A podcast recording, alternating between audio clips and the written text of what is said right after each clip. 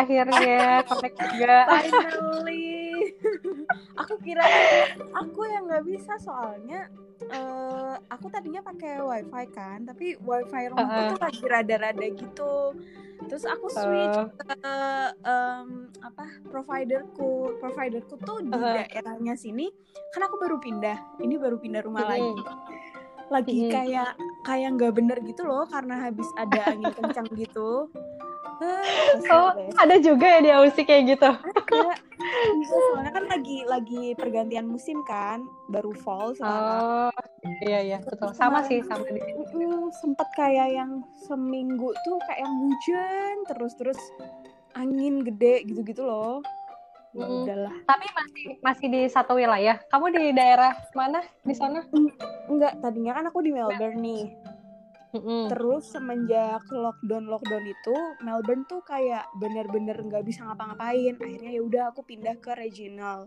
Regional tuh kayak misalkan mm, Jakarta kita di Jakarta terus Bandungnya gitu. Hmm, hmm, hmm, Kayak gitunya cuman Tapi- iya. Tapi nggak nggak jauh-jauh banget. Tapi masih di Oh. Victoria, masih di Australia. Oh gitu. Hmm. Oke, halo Dut. Eh, apa kabar? Baik, baik. Gimana kabarnya? Thank you Oh, banget ya. And welcome to my podcast Share- Sharing with Dea. Aku yang thank you loh malam minggu udah ditemenin. Iya ya. Ah masa orang kayak kamu jomblo sih? Enggak, biasanya emang eh, ada ada teman-teman kan datang ke sini. Cuman gara-gara lockdown juga, terus ini kayak minggu terakhir lockdown tuh kayak kita udahlah nggak usah ngumpul-ngumpul lagi gitu takut digerebek. Soalnya ke dua minggu Oh. yang lalu.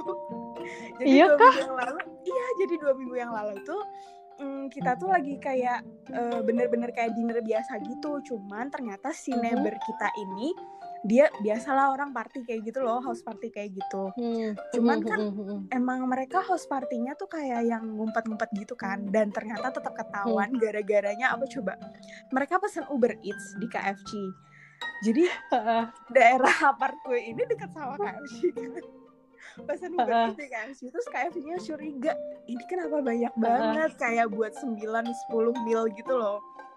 Terus si KFC-nya telepon polisi dong dengan Oh. dengan dodolnya ya udah yang nganterin KFC siapa? Polisinya sekalian digerebek itu ya ampun kita bener-bener jadi soalnya dari rooftop apartku kan bisa kelihatan kan kalau misalkan si neighbor ngapa-ngapain gitu Terus kayak kita ngeliat ya ampun gila gila gitu wah udahlah nggak kita nggak nggak lagi gitu seketat Oh. itu deh di sini Oh my god, di Indonesia gitu nggak ya? Bener-bener ya, ngeri banget ya ampun. Dan maksudnya itu uh, out of the box gitu, maksudnya itu di luar pikiran kita, kita nggak akan terpikir kalau kalau orang KFC bakal nelpon dan ngirim polisi ke Ya situ. ampun, dan itu bener-bener sumpah kayaknya mereka dendam banget sama orang KFC. Terus apa yang dilakuin sama polisinya? Ah, cuma cuma ngingetin apa pakai tindakan tegas gitu? Langsung, langsung karena kan emang ini lockdown yang kedua kali. Jadinya emang dari awal udah diingetin kalau lo macem-macem ya udah lo bakal kena fine gitu loh. Akhirnya ya udah itu Hmm. 10 orang di situ bener-bener kena fine satu orang berapa coba? Seribu dua ratusan. Kalau Gila, dirupiahin sekitar Heeh. 12 juta per orang. Gila, oh my god, Serius deh. Ya ampun, kita aja kayak sampai aduh, untungnya untungnya tempat kita nggak kena gitu loh karena kita masak sendiri Oh my kan wah itu deg-degan banget itu bener-bener itu including kamu juga kena, including kamu juga Enggak, kena dendanya juga. bener-bener neighbor neighbor se- apartemen sebelah Oh, gitu ne- Hmm, neighbor neighbor neighbor. Mm-mm. Ya ampun. Semengeri itu ya. Tapi salut sih sama role role yang tegas kayak gitu. Karena Iya sih. emang kayaknya sih eh, apa ya mungkin ngerti ngerti lapangan lah sosialnya gimana. Kalau kayak di Indonesia ini sebenarnya kita udah banyak toleransi gitu kan sama Indonesia tuh berkali-kali dikasih dikasih apa attention tapi masih aja kayak gitu Bebel akhirnya terakhir. Deh iya. Orang Malaysia kan iya. adekku yang di Malaysia pulang kan adekku yang di Malaysia pulang dia Hmm. aja tuh masih main gitu loh udah diingetin kayak Hmm. jangan main jangan main maksud kan maksudnya walaupun kalau di Jogja tuh termasuk yang rada aman nggak ma- maksudnya nggak kayak yang di Jakarta dan di mana-mana yang banyak-banyak kasus gitu di Jogja tuh rada aman sebenarnya cuman kan sama aja ya kita nggak bisa kayak semena-mena gitu mentang-mentang nggak kayak di Jakarta nggak zona merah apa-apa gitu kan ya tapi ya gitu gimana Mhm. sih anak anak muda ya kadang susah Mhm. juga ngomonginnya gitu. Terus adek gue kan juga mungkin masih teenager teenager gitu jadinya kayak ya mau gimana lagi? Iya. gitu loh. Pengennya explore ya jiwa muda lah. Iya. Jiwa muda nggak mau dilarang. Aduh. Tapi jadi harus banget deh. aku juga loh bener-bener. Eh berarti btw sebelum kita masuk ke apa ke materi kita ya eh, sejauh ini berarti psbb yang ada di Aussie itu menurut kamu berapa ratingnya gitu? Wah. Eh, Australia dalam menangani covid di sana gitu menurut kamu? 20 out, out 10 20 out 10 Ya? Mm-mm. wah. Cuman bagus banget ya berarti.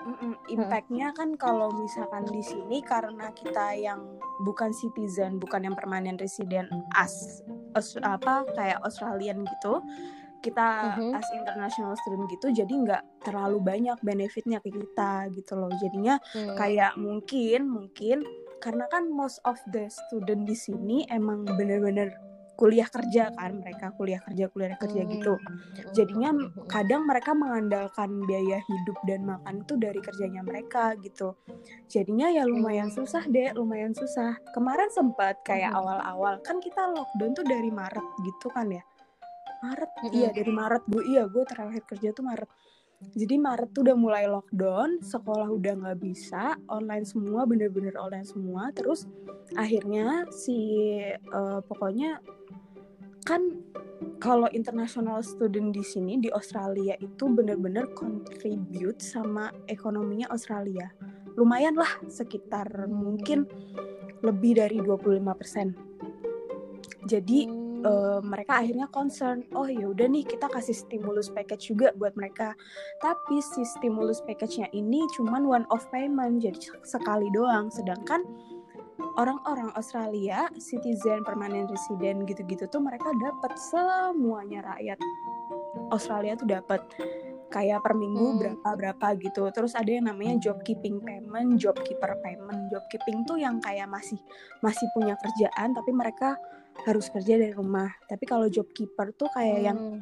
mereka lost job gara-gara covid kayak gitu gitulah pokoknya pokoknya bener-bener tertangani semua sih kalau soal ekonomi tapi ya itu kasihan yang bukan permanen residen sama residennya gitu itu sih Hmm, gitu.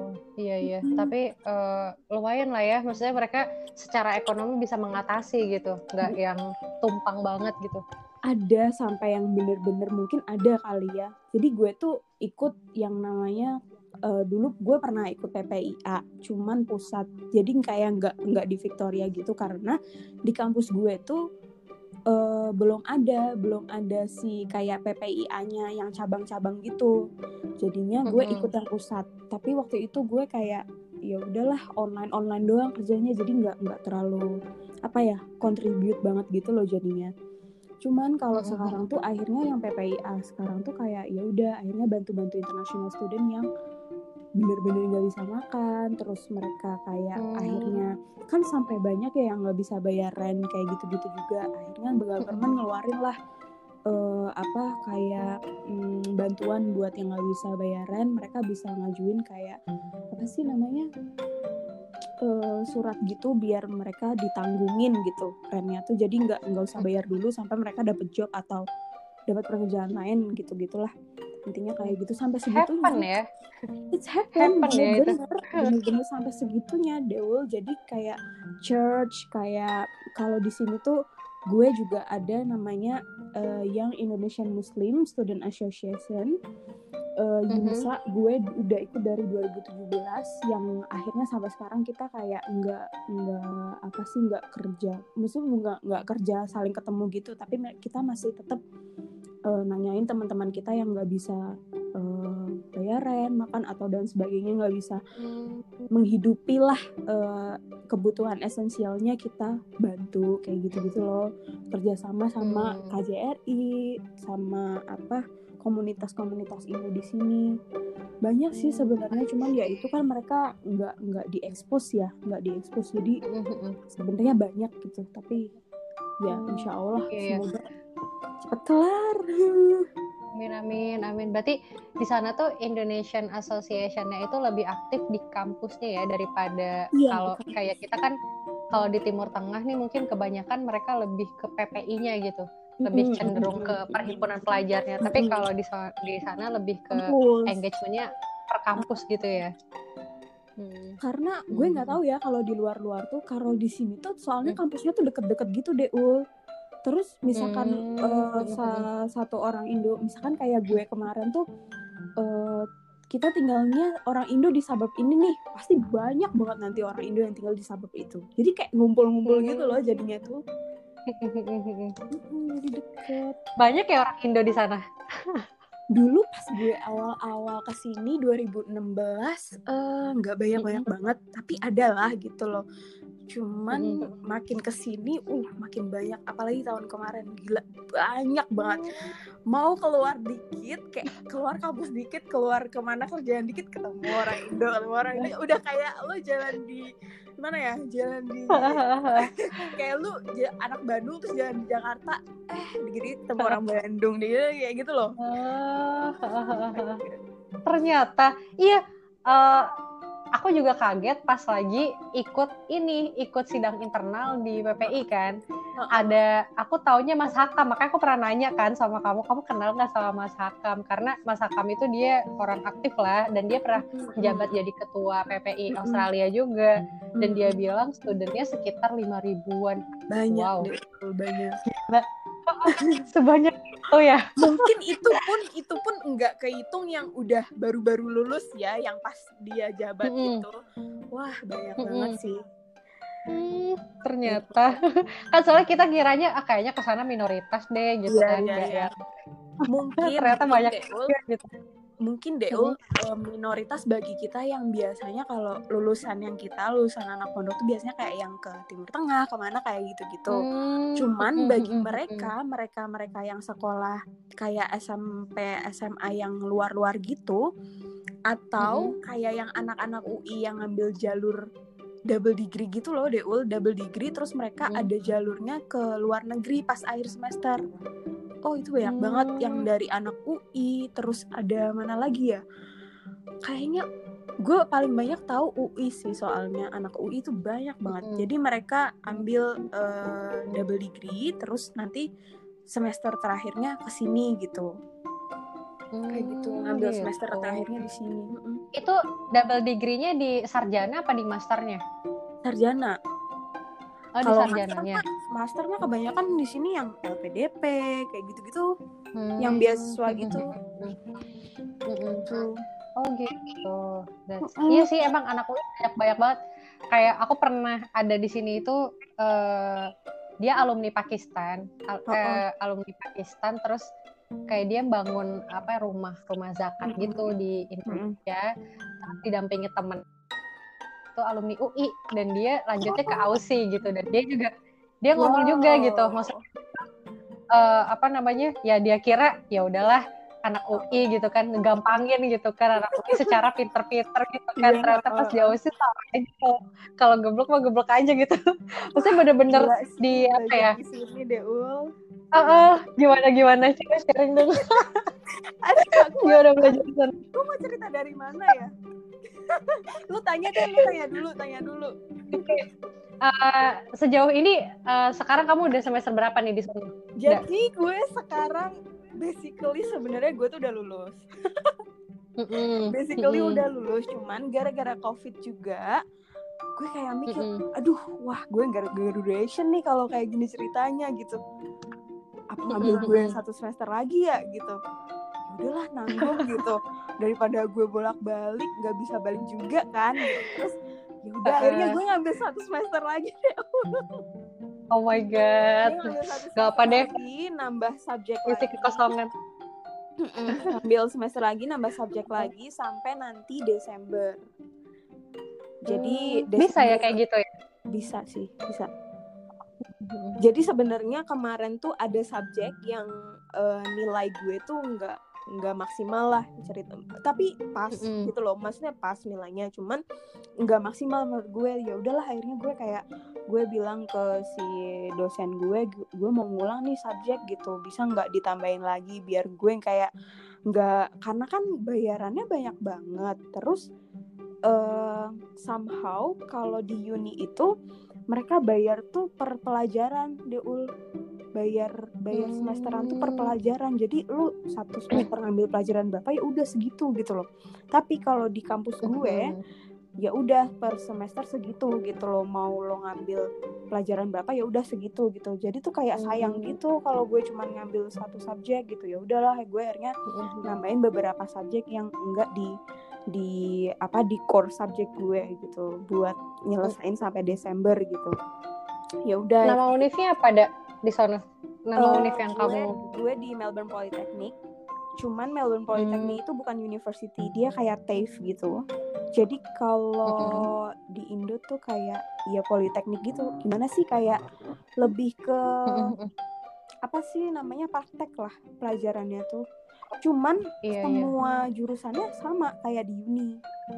Cum ya itu Hmm. cuman eh, pelajarannya lebih ke praktek gitu kayak karena Oh. sekolah gue itu punya restoran terus punya kayak tempat teater terus punya Mm-mm. ada yang kayak yang buat arsitek arsitek gitu loh yang gitu-gitu. Jadi ya udahlah ke praktek semua intinya gitu. Jadi emang graduate dari situ siap langsung kerja kayak gitu. Mm-mm. Eh, terus apa namanya eh, need TOEFL nggak kalau ke sana? Jadi Nah. kamu ada preparation. Nah, eh, tadinya preparation apa? gue tuh em, disarankan buat ngambil IELTS karena Hmm. sebenarnya gue juga Iya, belum pernah IELTS. ngambil. Jadi eh, em, pokoknya antara TOEFL sama IELTS. Terus gue akhirnya pokoknya preparation sebelum ke sini itu gue eh, sempat belajar apa sih? Yaitu IELTS, TOEFL gitu-gitu. Pokoknya pas Mhm. ngabdi, pas ngabdi. Jadi se- Hmm. selesai ngabdi gue les, ngabdi les, ngabdi les kayak gitu. Setahun kayak gitu Mm-mm.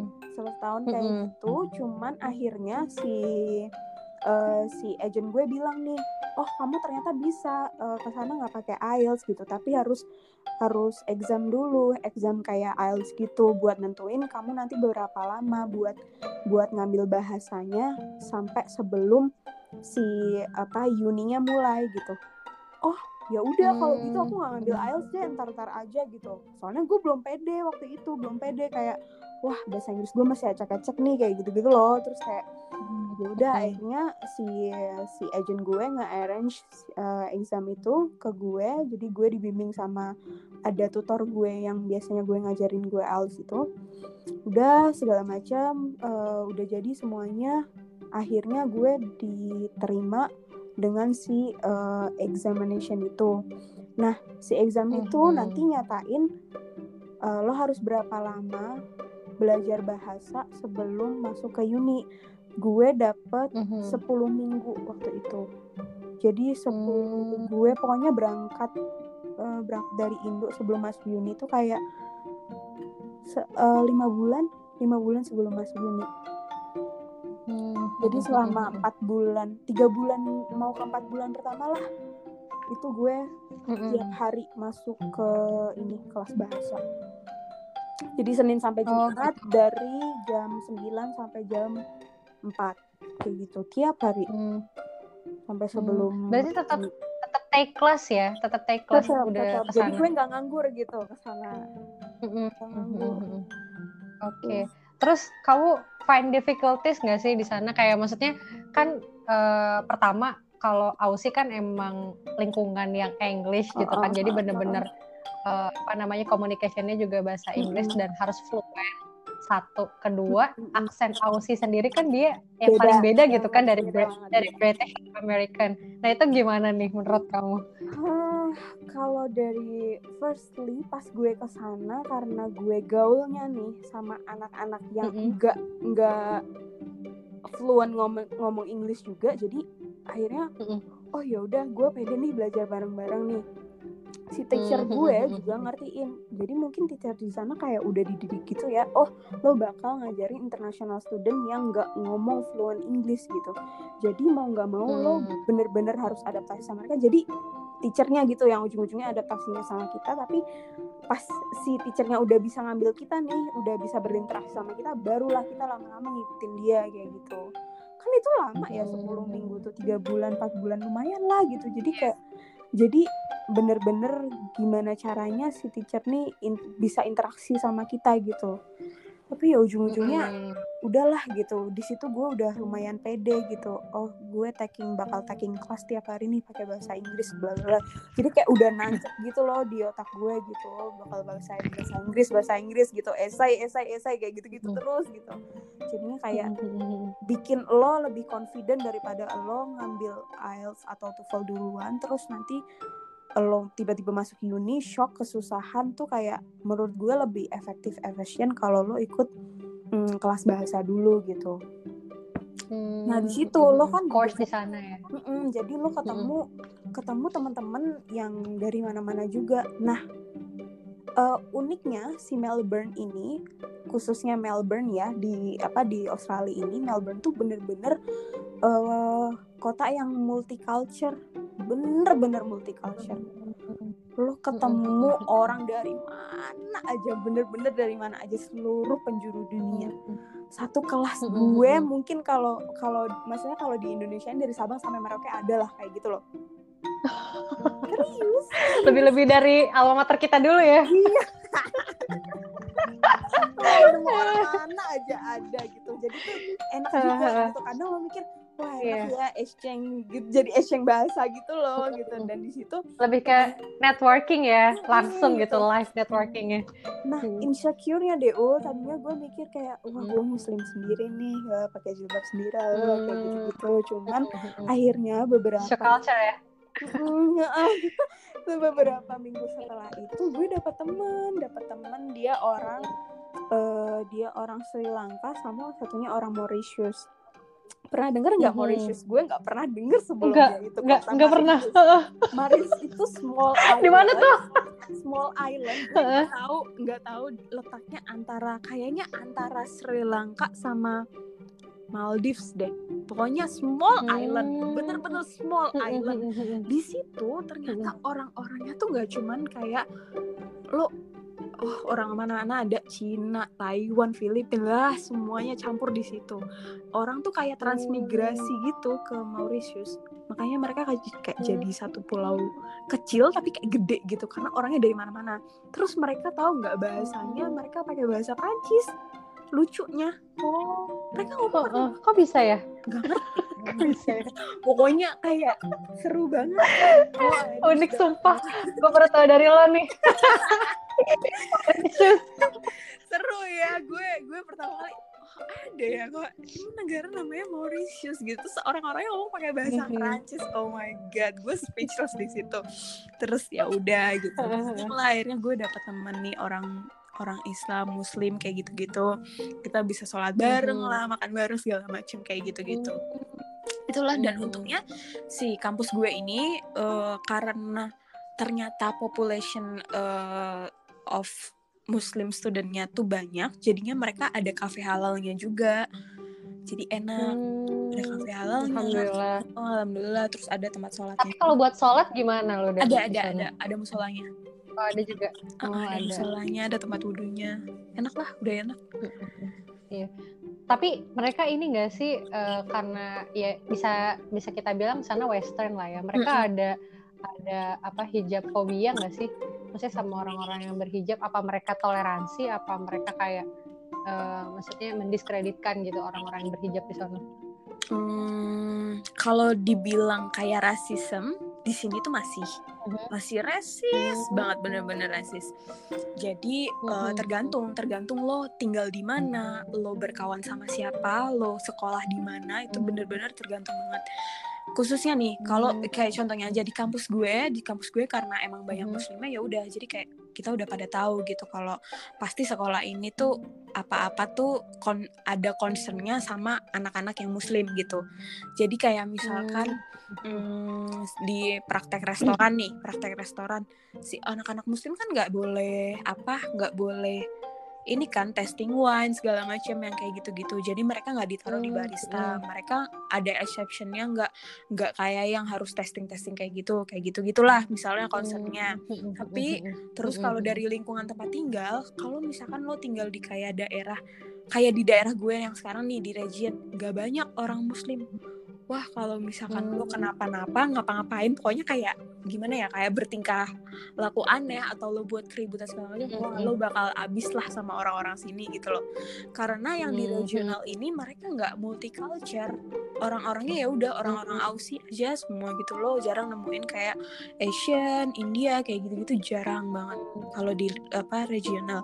Tapi kalau udah di CBD di kotanya di tengah kota ya lumayan lah udah udah ini udah nggak terlalu apa ya resis gitu kecuali lo ketemu sama orang yang mabok terus kayak dia teriak-teriak segala macam ngelihat lo pakai hijab jalan gitu lo kayak lo ngapain di sini balik hmm. lo ke hmm. country itu tuh udah biasa hmm. mereka mah pasti ngomong kayak gitu hmm. ngapain hmm, di gitu. di gue gitu ada ya lo kayak gitu gitu kayak gitu ya berarti kita harus harus siap aja ya sama lingkungan yang mungkin khususnya pada alumni alumni pesantren yeah. kali kalau mau ke sana tuh uh harus siap-siap aja gitu kan sama lingkungan yang benar-benar kontras banget sama banget, yang kita pelajari. Banget. Terus shock culture lagi selain yang kamu alamin kayak misalkan aduh insecure gitu kan muslim mm-hmm. sendiri itu apa? Maksudnya kayak uh, musimnya apa apanya gitu kamu yang kamu rasain di sana? Apa ya? Uh, uh, kalau soal musim enggak. Karena menurut gue udara di sini lebih bersih. Gue kan sinus gitu ya gue kan punya sinus gitu. Terus kalau gue kamu kalau dingin sama debu lah segala macam. Oh gue kalau di Indo tuh bener-bener kalau udah sakit yang sakit banget deul kayak yang bersin gak berhenti berhenti di sini gue nggak pernah sakit. Jarang banget sakit. Mm. jarang banget sakit. Maksudnya mungkin sehat kalo... udaranya ya. Alhamdulillah gitu. Yeah. kalau gue mungkin cocok nih sama udaranya. Dingin kalau dingin tuh dingin banget. Jadi Australia itu uh, satu salah satu negara yang benar-benar terkena dampak sama global warming.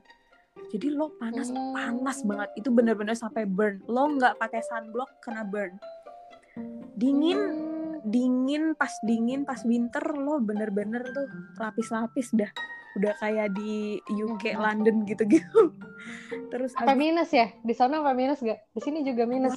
Walaupun walaupun di di HP kita nggak ada tulisan minus tapi lo ngerasain di luar bener-bener kayak sampai minus gitu dingin gitu. Hmm. dingin gitu pasti. Same sih sama kayak Islamabad juga gitu.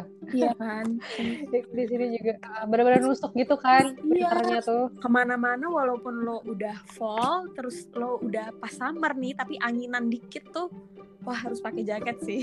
Kalau enggak tuh anginnya soalnya dingin gitu.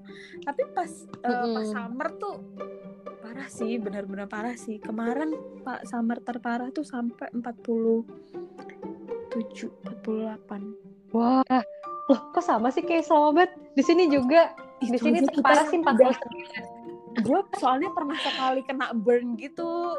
Deh jadinya gue kayak oh my god ini gila panas banget. Dan itu pertama kali gue burn gitu loh burn gara-gara si matahari Ke, kebakarnya gitu. gimana emang? Jadi ke kulit kamunya kayak gimana? Gue nggak sadar hari itu tuh gue ngapain. Pokoknya kayaknya gue ini deh uh, lagi jalan sama teman gue terus kita kayak biasalah ngopi terus kita ngopi pergi ke kayak park-park gitu kayak laying down. Gimana sih? Summer-summer jarang-jarang kita bisa laying down di park gitu kan. Terus kayaknya hari itu gue nggak pakai sunblock gitu. Pulang-pulang nih wah ini kenapa merah-merah? gitu kan. Merah-merah kayak langsung kayak bercak-bercak gitu. Besokannya kulit gue ngelupas. Wah sunburn nih sunburn. Wow. langsung ngelupas segitunya ya? Iya langsung kayak oh. gitu. Dan oh. itu kalau tuh lama banget hilang ya. Dua bulan baru hilang gitu. hmm. gitu oh my god. Bener-bener kebakar ya. Kalau kalau di sini nggak kebakar cuma kita kayak kepanggang gitu sih. Panas banget juga. Tapi ya kayak kepanggang banget. Iya uh, jadinya nggak bikin kulit hitam nggak bikin kebakar tapi panas banget. Emang kayak iya, microwave gue, gitu gue ngerasain sih. Gue gue Eh, jadi inget gue kan waktu itu pernah yang ikut yang ke Mesir itu kan waktu masih di ini di Gontor. Mm-mm. itu juga gue ngerasain sih yang panas-panasnya Egypt kayak gitu. Mungkin kayak gitu sih. Iya iya. Bahkan bisa jadi Pakistan tuh lebih panas karena di sini ya gitu ik- iklimnya mencuat banget. Kalau dingin dingin banget kalau panas panas banget. Oke eh, sebelum terakhir nih uh, what the side of Australia that attract you? Yang bener-bener kamu tuh kagum sama Australia gitu. Apa sih gitu? Sisi mana yang lo bener-bener kagumin dari Aussie sejauh lo sekarang ada di Aussie? Pengalaman sih. Pengalaman yang gak gue dapet di Indo. Gue dapet di sini tuh bener-bener mendewasakan gue. Mungkin ya mungkin. Kalau gue sekolah di Hmm. Indo mungkin gue nggak berani ngomong-ngomong yang kayak gini maksudnya ngomong ke orang cerita segala macam gitu nggak berani. Gue dulu padahal dulu kekeh banget pengen sekolah di Indo cuman bokap gue nggak ngebolehin. Nggak ngebolehin ya karena kalau lu mau sekolah di Indo ambillah yang sekolah bagus-bagus kedokteran segala macam kayak gitu-gitu. Dan menurut gue waktu di situ gue bisa gue nggak passion di situ. Gue nggak ada niat buat kayak gue lulus gontor tuh kayak gila gue udah capek belajar kayak gitu loh Deul gila gue udah capek Mm-mm, belajar kayak mm-mm. gitu-gitu kayak udah iya iya. kuliah nggak ya? Lanjut kuliah nggak ya? Gitu. Tapi akhirnya kayak bokap gue udah coba ke sana dulu. Gue soalnya pertama kali ke sini tuh pakai eh, visa turis. Jadi gue suruh lihat-lihat dulu sama Hmm. bokap gue karena bokap gue lumayan lah ada kenalan di sini. Terus eh, guru Hmm. ngajinya kakek gue itu dia alumni Gontor udah lama banget udah lama banget terus Hmm. dia ngambil PhD di sini lagi ngambil PhD di sini Hmm. tahun terakhir Mm-mm. terus dia itu akhirnya ya udah yang yakinin gue gitu kalau misalkan emang mau sekolah di sini cocok kok gitu maksudnya kayak kan Hmm. mungkin suatu saat nanti gue bisa berdakwah juga gitu mungkin kali ya gitu tapi nggak sekarang iya iya Mm-mm, kayak karena karena dia tahu belum banyak alumni Gontor yang sampai situ gitu maksudnya di Australia gitu. Dulu kan ada cuman Mhm. katanya udah balik lagi gitu ke Indo. Terus ya udah kayak Hmm. gitu. Pengalaman bener-bener pengalaman gila. Di pokoknya di seumur hidup aku pengalaman yang paling berharga tuh aku dapetin di sini. Dalam semua hal kamu mau tanyain apa aja pokoknya dalam semua hal apa pun itu bener-bener yang bikin aku tuh kayak yang mikir gitu mikir akhirnya tuh mikir gimana cara men- mendewasakan diri gimana cara mengatur hati cara eh, bersikap cara how to take decision kayak gitu-gitu loh. Yang Mhm. kadang nggak Mhm. gue dapetin di Indo. Karena gimana sih di Indo kita hidup sama orang tua oh ya udahlah ya udahlah terserah mereka gitu ya. Udah kita ngikut mereka kayak gitu loh. Di sini lo harus take decision mungkin em, mungkin kayak lo juga maksudnya anak-anak yang sekolah di luar mungkin kadang juga harus kayak gitu tapi bener-bener gue di sini be- ditempa lagi gitu loh. Nggak cuman pas dulu di Gontor kayak gitu-gitu di sini gue ditempa lagi lebih kayak ke real life. Real life lo harus Mhm. ngapain setelah ini lo harus harus melangkah Iya. ke mana gitu. Bener-bener gue yang mikir gitu take decision. Ada kayak tuntutan gitu ya. Iya iya iya. Dongkrak confidence. Gila sih deh even even me even me da Mm-mm. kayak ngerasa wah gila nih Farida asik banget maksudnya enjoy dan ke mana-mana nyambung gitu kan kita kayak tadi ngalir aja ngomong gitu Iya. tanpa tanpa gue harus ngasih tahu apa. Tapi kita udah bener-bener karena saking maksudnya bener-bener udah kerangkum kayaknya hidup lo tuh gimana di sono gitu loh. Aduh, gue kalau bener-bener cerita nih ya dari awal itu gue pernah cerita ke siapa gitu. Terus kayak oh enggak dulu gue tuh kalau yang cerita-cerita kayak gini gue nggak berani cerita ke orang tua gue gitu. Karena gue dulu Mm-mm. sempat underestimate mereka gitu loh apaan sih gitu Mm-mm. sekolah di luar kayak gitu gitu loh kayak gitu apaan sih gitu Mm-mm. kayak dulu tuh bokap gue bersikeras banget gitu loh dan ngeyakinin gue kalau ya udah mungkin jalan hidup lo di sana gitu loh kayak gue oh my god mungkin dulu kan gue karena mungkin punya punya seseorang di Indo jadinya kayak aduh LDR gitu nggak bisa nggak bisa gitu kayak sekarang Iya, udah iya. gitu kayak kayak udahlah gitu mungkin jalan hidupnya masing-masing gitu loh kayak gitu Mm-mm. That's, tapi pastinya banyak banget pelajaran ya yang Banyak didapetin dan dan Ya, pasti we can see deh kan pokoknya. ngerasa ngerasa kayak gitu kan di luar nggak Iya. sih? Oh, bisa iya bisa dapetin apa ya maksudnya ada hal yang karena ketika kita pengen improve gitu terkadang kita harus keluar dari zona nyaman gitu itu bener Iya. banget jadi bener banget eh, apa ya, benar-benar bisa bisa bisa explore lah isi istilahnya Iya, kalau iya. kita benar-benar keluar gitu Heeh. kan. Eh, terakhir nih closing statement dari dari lo apa nih kira-kira yang bisa ini teman-teman kalau mau kausi harus gini nih atau mungkin eh, apa sih sisi positif yang lo bisa bagi sama teman-teman nih yang dengerin podcast ini Pokoknya first thing first, uh, don't be afraid to take any decision ya. Gue karena Mhm. gue dulu udah, setuju Heeh, karena gue udah keta ketahan takut dulu gitu. Gue kan karena gimana ya, maksudnya gue waktu di waktu itu posisinya yang anak perempuan satu-satunya di keluarga gue. Gue anak pertama, terus kayak wah semuanya ada di gue nih, semuanya ada di gue gitu adik-adik gue gimana lah segala macam kayak gitu gitu pokoknya pikirannya udah ke mana-mana kayak gitu loh. Bener-bener takut Mhm. ngambil decision gitu. Pokoknya terus ya udah gitu. Emang butuh keyakinan doa tekad sama support itu bener-bener nih. Hmm. se eh, di luar dari harus punya tabungan segala macam kayak gitu-gitu ya. Pokoknya nih doa support yakin tekad itu benar-benar harus dibangun dulu. Gue tuh sampai kayak yang berapa kali ya kayak maju mundur maju mundur kayak gitu-gitu. Kayak karena waktu itu dapetin visa juga nggak gampang waktu itu. Mungkin kalau sekarang udah gampang ya. Waktu itu tuh nggak nggak terlalu gampang gitu loh DO jadi kayak aduh dapat nggak ya dapat nggak ya gitu. Masih ada di sisi itu juga. Udah sampai tahap selesai eh, apa sih namanya wawancara buat sekolah terus ngambil yang exam itu yang buat kelas bahasa udah nih sekarang dicoba lagi nih sama visa dapat nggak nih dapat nggak nih gitu. Sampai si Mhm. agentnya tuh sampai agent gue tuh bilang kayak gini wah ini anak hoki banget gitu. Maksudnya bisa dapat Mm-mm. visa cepet gitu loh kayak gitu. Wah berarti ya udah Allah ngasih gue jalan ke Australia. Mungkin mungkin hidup gue ke depan emang di sini gitu mungkin.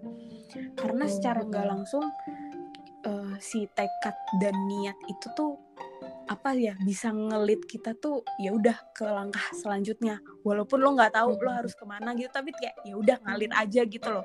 Bukan bukan ngikutin ngalir aja tapi kayak ya udah lo berusahanya tuh dengan tekad dan niat doa gitu. Mhm. udahlah. So inspired masya allah masya allah. Kayak emang kayaknya emang kita nggak cukup sih kalau ngobrol di podcast Iya. doang ntar kalau di Jakarta kabar ya Kita ngopi Kabar-kabar dong. ya. eh terus Iya. gimana maksudnya ini udah mau pulang ke Indo Iya, aku sih di sini kita udah eh, udah tinggal nunggu ijazah. Cuma emang eh, proses sih sama prosesnya mungkin sekitar dua bulanan dan next baru bisa take a step buat ke Indonesia gitu. Ya sama lah. Jadi masih nyari-nyari kesibukan. Ya Gue kayak begini nih, kayak ngobrol. tahun ini tuh eh, mau ke sana ke daerah Oh ya? sana gitu iya jadi kan Hmm, si doi kan orang Pakistan nih mm-mm. Doi orang Pakistan Wah.